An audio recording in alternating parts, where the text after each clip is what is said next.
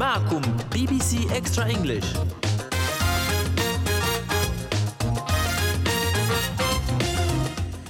في Extra English نتحدث عن معرض جديد new exhibition لفرقة البوب السويدية أبا.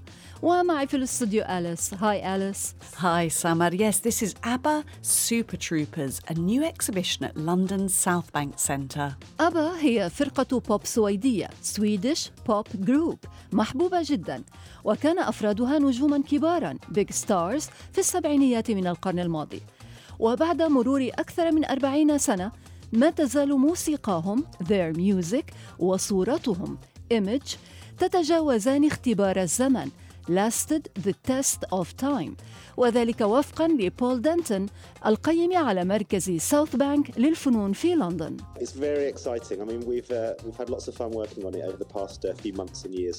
I mean, I guess it's unlike any exhibition you may have seen before. So we've created nine immersive rooms um, that you wander through. So immersive in our sense, you know, theatrical sets, um, and we've got an amazing range of archive objects and original material. And they're يقول بول دانتون إن فرادة التركيبة الموسيقية التي قدمتها الفرقة uniqueness of their sound هي السبب في كونهم محبوبين حتى اليوم popular today And he says how well crafted their music is. Songwriters Ben and Bjorn were great musicians.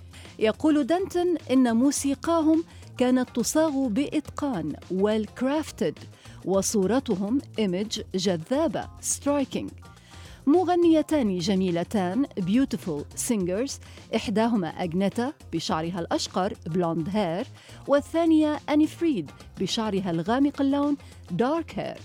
إلى جانب مغنيين وكاتبي أغاني موهوبين male singer and songwriters بيني وبيورن.